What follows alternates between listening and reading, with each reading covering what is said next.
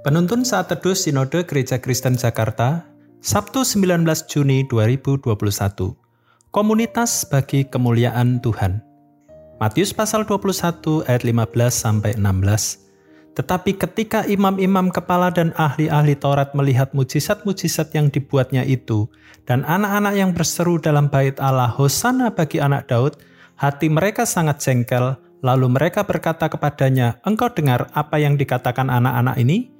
Kata Yesus kepada mereka, Aku dengar, belum pernahkah kamu baca dari mulut bayi-bayi dan anak-anak yang menyusu, engkau telah menyediakan puji-pujian? Katekismus Westminster disusun oleh para pemimpin gereja Inggris dan Skotlandia. Di dalamnya berisi tentang beberapa pertanyaan dan jawaban tentang iman Kristen. Pertanyaan tentang iman yang pertama adalah, apa tujuan Allah menciptakan manusia? Jawabannya adalah, Tujuan utama manusia diciptakan ialah untuk memuliakan Allah dan bersuka cita dalam Dia untuk selama-lamanya.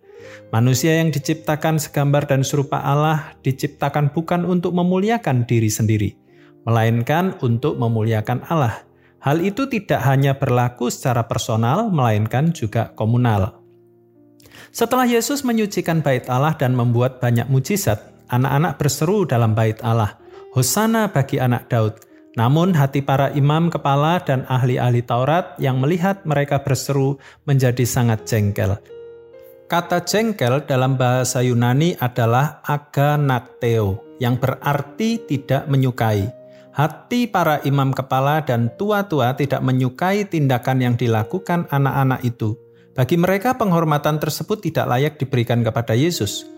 Bahkan merupakan sesuatu yang berlebihan, kita melihat bahwa orang sombong tidak tahan menyaksikan penghormatan yang diberikan kepada orang lain, merasa bahwa seharusnya penghormatan itu ditujukan kepada mereka. Dalam kitab Perjanjian Lama, Saul juga pernah merasa dengki karena nyanyian para wanita mengenai Daud. Penghormatan ditujukan kepada Daud dan tidak lagi kepadanya. Saat ini banyak orang yang haus akan pujian dan penghormatan. Mereka ingin semua pujian dan pengagungan hanya diberikan kepada dirinya sendiri. Hal itu bisa saja terjadi dalam komunitas tubuh Kristus. Misalnya, saat kita melayani dengan hebat, kita tidak mengembalikannya untuk hormat kemuliaan Tuhan. Kita ingin disanjung dan dipuja. Firman Tuhan mengajarkan bahwa kita diciptakan bukan hanya untuk memuaskan kepentingan diri sendiri. Kita diciptakan untuk hidup memuliakan Tuhan. Masalahnya, apakah komunitas yang kita bangun itu berpusat pada kemegahan diri sendiri? Atau untuk kemuliaan nama Tuhan.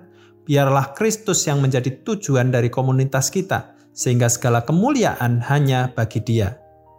Tujuan komunitas tubuh Kristus adalah untuk memuliakan Tuhan dalam seluruh keberadaannya. Tuhan Yesus memberkati.